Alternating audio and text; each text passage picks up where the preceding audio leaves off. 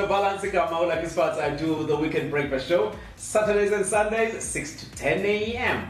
And Mini Kabala Mutubili Makumalwalam Celeb. I do speak out every Saturday between the hour of 10 and 11 Nosne Wabamkize. And Namhlanje, like we said on our trailer, that we have our guests um, or we married couple. I know you can sit and mix in So it's gonna be cool and nice. I know good like is gonna tell us to what are we talking about exactly Namhlanje. We're talking about interracial relationships.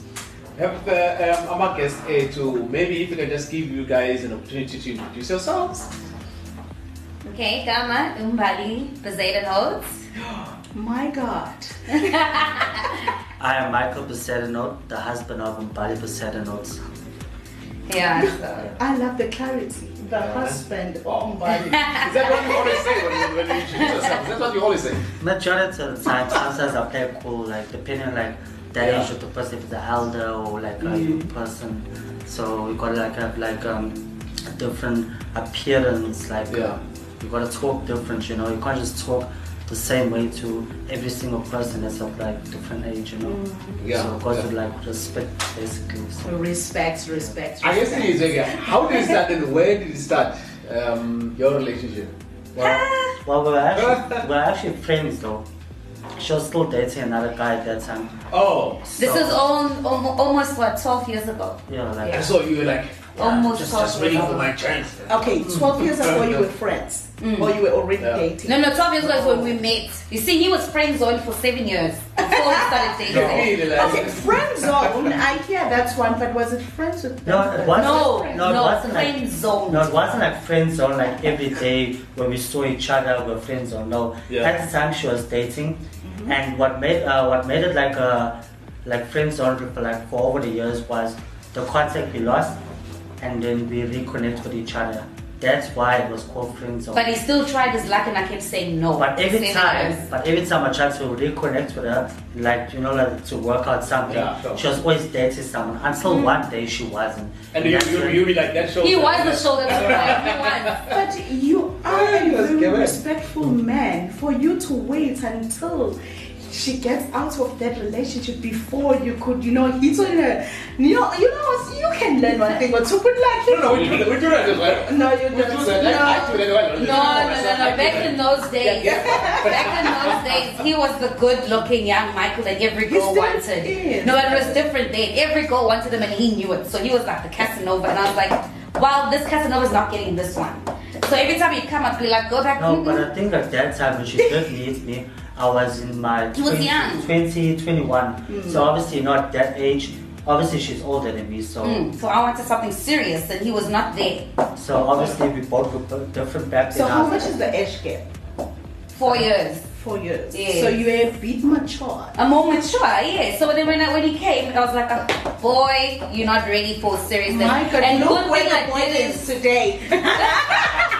Good thing I didn't date him back then because what happened was during that friendship stage he grew, Yeah. and then he went through his biggest heartbreak with this ex, and then he was like, mm, "She broke my heart." And at that time, I was going through my biggest heartbreak of five years, and I was like, mm, "He broke my heart." So he was a shoulder to cry on, and he was like, mm. and then he played the church card because he knew me, I'm a church girl. so when I was going through my heartbreak, I was like, mm, I want to go to church, my heart is broken, and he was So like, don't you think we should go back to your exes and celebrate I was happy. them breaking your hearts? because now look where it got you Yeah. guys to. Now you're married. Yeah. If they never did, you wouldn't be here. That's very true. And that's why I do not hate any of them and we're still Yeah. friends with any of them. Actually, they led us to each other because even though we're very close friends, I was still more on the, I don't want to ruin our friendship vibe. We friends, you know too much. I know all your exes, you know mine. Like we know, we're so, we so, we're so close. We're like just friends. We, we know everything So about fast each forward, um, how, how how did this marriage thing come in, and when and how? Who introduced it, and i- i- when when was the time like that, that you said like no, this is the time that you. Well I remember uh, I remember one time we were still staying in Woodlands. Mm. Like uh, she was still coming from work back uh, like that evening. I finished earlier, so I wanted to do like something romantic, and I still remember I went to go buy a ring to propose to her.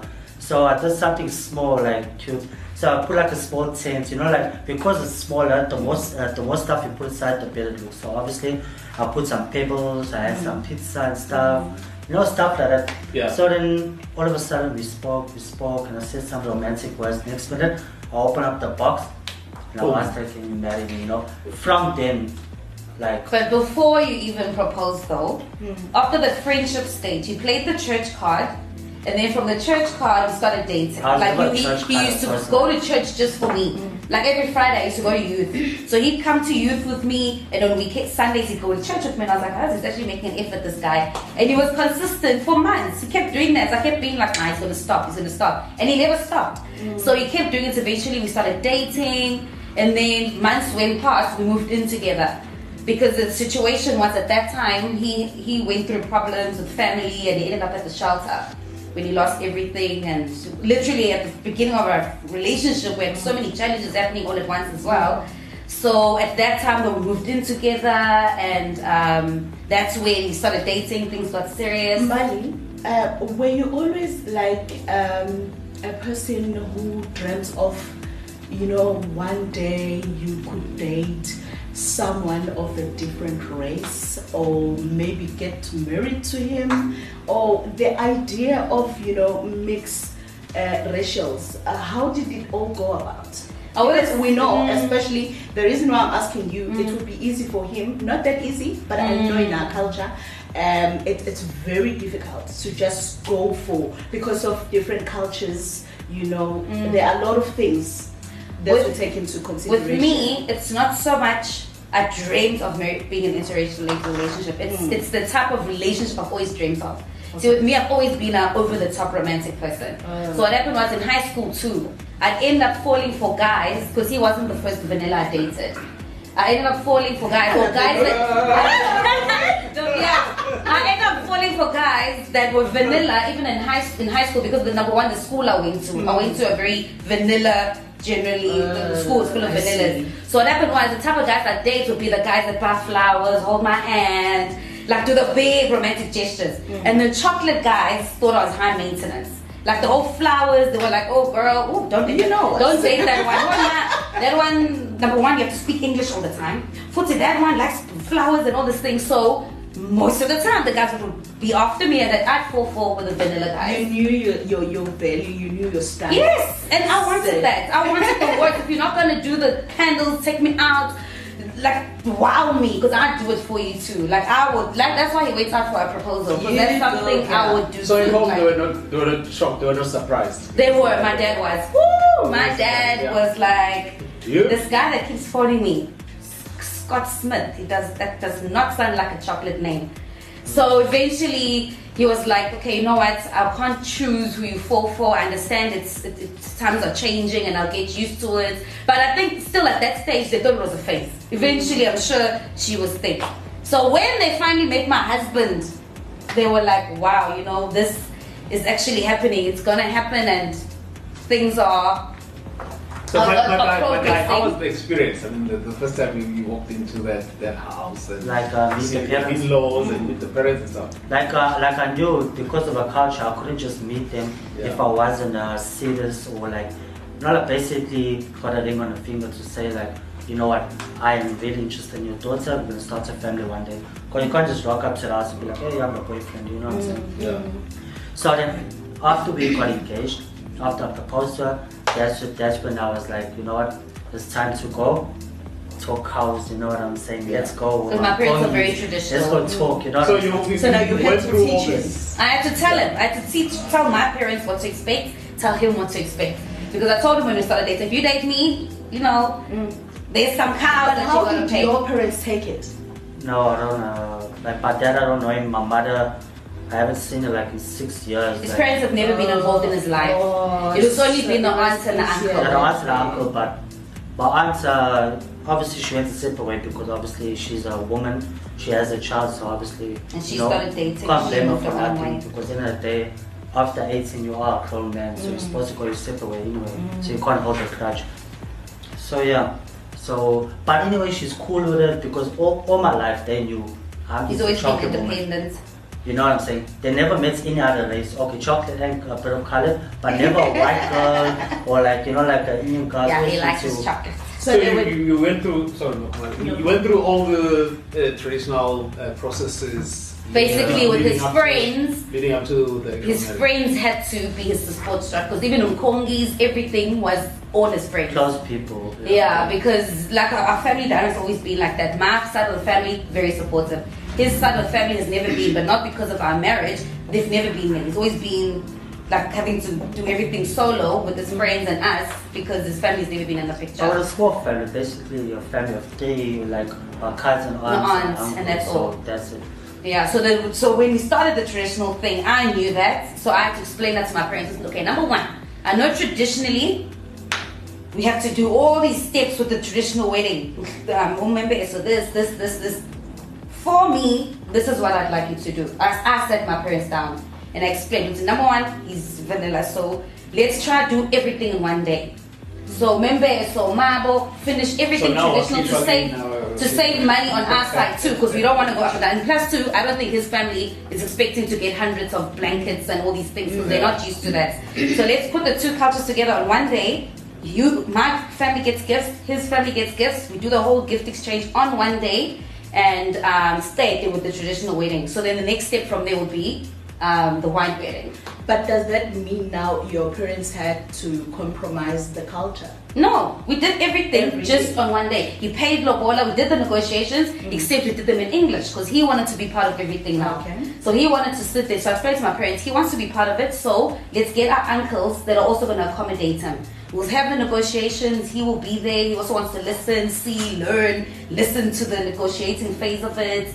And And, and, and would like he, I know he's more interested in, in the in, in, in, you know to know if he was in, introduced to your family, the ancestral family, yes, he had to be. and then how how because phela ma introduce antu yakhisho Mm. ekhaya. So you have you still have to be introduced in the family that you are married, to- you are married to. Yeah. and then the same way good lucky am i right Mm. so if kumele ungeniswe mm.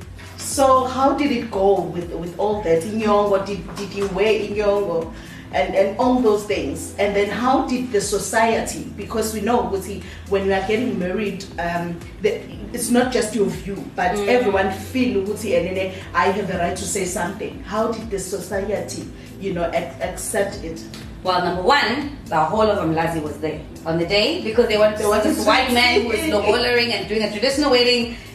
Mlazi, they were there. Everyone was there. It was so packed, and we knew we were going to have a, a huge traditional wedding mm-hmm. compared to the white wedding because everybody wanted to see the traditional wedding. Right. So the whole, like literally, two roads were blocked. Kapipi that that weekend, it was so packed.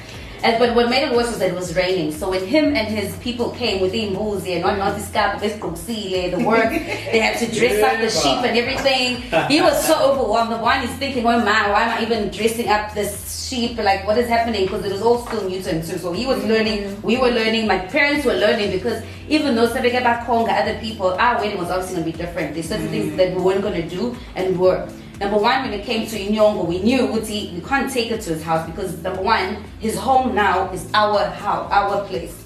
So me being taken out from Ekaya, normally I know the bride gets taken with the kiss, you must take a kiss to the new place, not not to technically Kubo. Hmm. His home now is our house. So everything is at Puma, I mean, I literally went straight from Ekaya To your home. to our home because everything that's traditional now is Zinzayo. We do it in our house. And he's still even learning that aspect because So what do you what, what, what, what do you do now? Like when, when you're saying you still do in paper, like she's in paper. He's still getting used to that, but he knows there's situations where we have to do it now because linking to me, my parents are very traditional. So there's certain traditional things that if something comes up, certain I was explain it to him, be like, okay, you know what? My uncle, plus two, my uncle has that gift, you're born. Mm-hmm. So whenever he'll tell us something like, hey, you know, I've picked up one, two, and three. Can you please tell him, Konyanuti, you guys need to do one, two, and three? I have to go back to him and I'd be like, Happy, you know the deal, hey.